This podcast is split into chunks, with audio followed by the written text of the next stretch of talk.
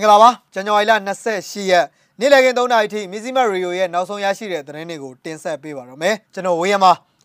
စစ်ကောင်စီနဲ့မြန်မာအမျိုးသားဒီမိုကရက်တစ်မဟာမိတ်တပ်မတော် MNDAA ကိုကန်တို့တိုက်ပွဲဖြစ်ပွားပါတယ်အထက်ရရှိတဲ့ဖိနှိပ်မှုကြောင့်စစ်ကောင်စီတပ်ဖွဲ့ဝင်တအူ KNU ထံကိုထွက်ပြေးလာပါတယ်ခင်ဗျာမုံရွာမှာတော့14နေရာဘုံခွဲတိုက်ခိုက်ခဲ့ကြောင်းဖောက်ခွဲရေးအဖွဲ့တွေကထုတ်ပြန်လိုက်ပါတယ်ဒီသတင်းတွေနဲ့အတူဒီကနေ့နေ့လယ်ပိုင်း3နာရီထိ နောက်ဆုံးရရှိတဲ့သတင်းတွေကိုတင်ဆက်ပေးမှာပါခင်ဗျာပထမဆုံးအနေနဲ့တင်ဆက်ပေးခြင်းတဲ့သတင်းတစ်ပုဒ်ကတော့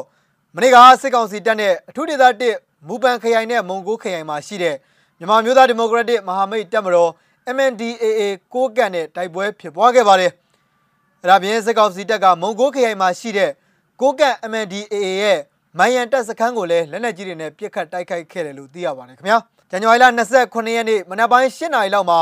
စစ်ကောင်စီကအထူးဒေသ1မုံကိုခရိုင်လော်ကြာကြိုက်အနောက်ဘက်တောင်ကုန်းမှာရှိတဲ့ကိုကန့် MNDAA နဲ့မိနစ်40ကျော်ကြာတိုက်ပွဲတွေဖြစ်ပွားခဲ့ပါတယ်။အဲ့ဒီနောက်မှာတော့အဲ့ဒီညနေ3:24မိနစ်လောက်မှာကိုကန့် MNDAA အင်အားစုကမူပန်ခရိုင်ရှောက်ရှန်ထွန်ဒေသကထိုးစစ်ဆင်လာတဲ့စစ်ကောင်စီတပ်ဖွဲ့ကိုကြားဖြတ်တိုက်ခိုက်လိုက်ပါတယ်ခင်ဗျာ။အဲ့ဒီတိုက်ပွဲကတော့4:14မိနစ်ကြာမှငြိမ်သက်သွားပါတယ်။ညနေပိုင်း9:36မိနစ်မှာတော့ကိုကန့် MNDAA ရဲ့စနိုက်ပါတပ်ဖွဲ့က မန်တုံဒေသရဲ့အရှိတ်ဘက်မှာအခြေချနေတဲ့စစ်ကောင်စီတပ်ဖွဲ့ဝင်တွေကိုပြစ်ခတ်တိုက်ခိုက်ခဲ့ပါတယ်စစ်ကောင်စီတပ်တွေကဇန်နဝါရီလ29ရက်နေ့တရက်ထဲအတွင်းမှာပဲကိုကန့် MNDAA ရဲ့မန်ရန်တပ်စခန်းနဲ့ရှိကြည့်ကြတောင်ကုန်းကိုလက်နက်ကြီးကြီးစုစုပေါင်း60ကျော်ခန့်ပြစ်ခတ်တိုက်ခိုက်ခဲ့တယ်လို့သိရပါတယ်အဲ့ဒီနေ့ကတိုက်ပွဲမှာတော့နှစ်ဖက်ထိခိုက်ကြဆုံးမှုတွေကိုတော့အတိမပြုတ်နိုင်သေးပါဘူးခင်ဗျာနောက်ထပ်သတင်းပုတ်အနေနဲ့ဂရင်းပြည်နယ်ဖပုံခရိုင်အာနာသိန်းစစ်ကောင်စီရဲ့ခမရ642တပ်မှာ တာဝန်ထမ်းဆောင်နေတဲ့တပ်သားမောင်မျိုးလွင်ဦးကိုပိုင်အမှတ်တမင်းဆောင်9482 18ကတော့ဂရင်မျိုးသားလွတ်မြောက်ရေးတပ်မတော် KNL တပ်မဟာ9တပ်ဖွဲ့ထံလာရောက်ခိုလုံအလင်းဝင်ခဲ့ကြောင်း KNU တပ်မဟာ9ကဒီကနေ့ဇန်နဝါရီလ28ရက်နေ့မှာထုတ်ပြန်ထားပါတယ်ခင်ဗျာထွက်ပြေးလာတဲ့အသက်23နှစ်အရွယ်မောင်မျိုးလွင်ဦးကတော့စစ်သက်၄နှစ်ရှိပြီးတပ်စခန်းတွင်မှာအထက်ရာရှိတွေက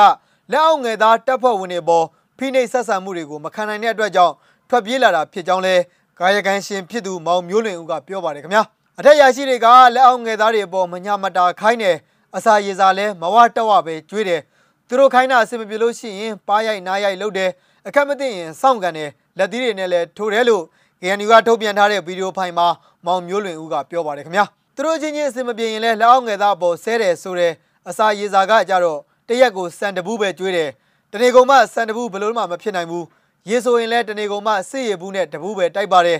သူတို့တွေကတော့စားရင်လဲထမင်းဆိုရင်လဲဝါဝလင်းလင်းစားတယ်ရေဆိုလဲဝါဝလင်းလင်းတောက်တယ်လို့သူကပြောဆိုပါတယ်ခင်ဗျာစစ်တပ်အာဏာသိမ်းပြီးတဲ့နောက်ပိုင်းမှာတော့ KNL တပ်မဟာ9နယ်မြေမှာတိုက်ပွဲအများဆုံးဖြစ်ပွားနေပြီးအာဏာသိမ်းစစ်ကောင်စီတပ်ဖွဲ့ဝင်တွေလက်နက်တွေနဲ့အတူထွက်ပြေးခိုလုံလာသူ90ခန့်ရှိပြီလို့ဒီဇင်ဘာလကုန်ပိုင်းမှာ KNU ဘက်ကပြောဆိုထားပါတယ် KNL တပ်မဟာ9နယ်မြေမှာနေ့စဉ်ဆိုသလိုတိုက်ပွဲတွေဖြစ်နေပြီး မနေ့ကဇန်နဝါရီလ29ရက်မွန်းလွဲ2နာရီကျော်ခန့်လောက်ကလည်းလူသောမြို့နယ်လေမူပလော့ဒေသတွင်းကိုစစ်ကောင်စီလေရင်တစင်းလာရောက်ကင်းထောက်ခဲ့ကြောင်းလဲသတင်းရင်းမြစ်တွေကပြောပါတယ်ခင်ဗျာနောက်ထပ်သတင်းတစ်ပုဒ်အနေနဲ့စကိုင်းတိုင်းမုံရွာမြို့နယ်မှာစစ်တပ်တပ်ဆွဲထားတဲ့နေရာတွေနဲ့စစ်ကောင်စီတောက်တိုင်14နေရာကိုဇန်နဝါရီလ29ရက်နေ့ကဘုံဝဲတိုက်ခိုက်မှုတွေပြုလုပ်ခဲ့ပြီးထိခိုက်ဒေဆုံးမှုတွေလည်းရှိကြောင်းမုံရွာမြို့ပြပျောက်ကြားအဖွဲ့တွေကသတင်းထုတ်ပြန်ထားပါတယ်ဘုံကွဲတိုက်ခိုက်မှုအနေနဲ့ ဖျားနေအနီးမြို့ပတ်လန်းရန်ကင်းရက်ကွက်အုပ်ချုပ်ရေးမှုယုံအပန်းချင်းငွေလုပ်ငန်းမုံရွာတောင်တုတ်တန်နီးနွားချံကုန်းအေးရိတ်တာတောင်ဘက်တက်ဆွဲထားတဲ့စစ်ကောင်စီတပ်ဗိုလ်ဒေသလမ်းပေါ်နဲ့ဗိုလ်ဒေသလမ်းမှာရှိတဲ့မိုင်တဲတာဝါတိုင်းနန္ဒဝန်ရဲစခန်းမြောက်ရီဘန်နောက်ဖေးလမ်းကြားစက်မှုဇုံခမ်းမနဲ့အနီးဝန်းကျင်နန္ဒဝန် EPC ရုံးဗိုလ်ချုပ်လမ်းမှာရှိတဲ့ KBZ ဘန်စသုံးလုံးရုံးတို့ဖြစ်ကြောင်းသိရပါတယ်ခင်ဗျာမုံရွာဖီနီရီယာက စစ်ကောင်စီတောက်တိုင်14နေရာထပ်မံဘုံခွဲတိုက်ခိုက်ခဲ့တာဘုံ25လုံးအသုံးပြုခဲ့ပါတယ်လို့ပြောပါတယ်ခင်ဗျာဖောက်ခွဲတိုက်ခိုက်မှုတွေနဲ့ဗိုလ်ဒေသလမ်းမိုင်းတဲတာဝါတိုင်းဖောက်ခွဲမှုမှာတော့စက်ပစ္စည်းတွေထိခိုက်ပျက်စီးသလိုထပ်မံပေါက်ကွဲနိုင်တဲ့နေရာတွေလည်းရှိသေးကြောင်းထုတ်ပြန်ချက်မှာပါရှိပါတယ်အဲ့ဒီဖောက်ခွဲတိုက်ခိုက်မှုတွေကိုတော့မုံရွာခြေဆိုင်မုံရွာနိုင်ခင်းမုံရွာဖီနီရီယာမုံရွာနင်းကြအန် AFC မုံရွာတို့ကပူးပေါင်းပြုလုပ်ခဲ့တာဖြစ်တယ်လို့သိရပါတယ်ခင်ဗျာ ဒီကနေ့နေ့လယ်ပိုင်းနောက်ဆုံးသတင်းတစ်ပုဒ်အနေနဲ့ရွှေဘိုမြို့နယ်ကဆေးအာနာရှင်စန့်ကျင်ဖြုတ်ချရေးတပိတ်စစ်ကြောင်းတစ်ခုကိုလည်းဖွင့်ပြပေးကြပါမယ်ခင်ဗျာ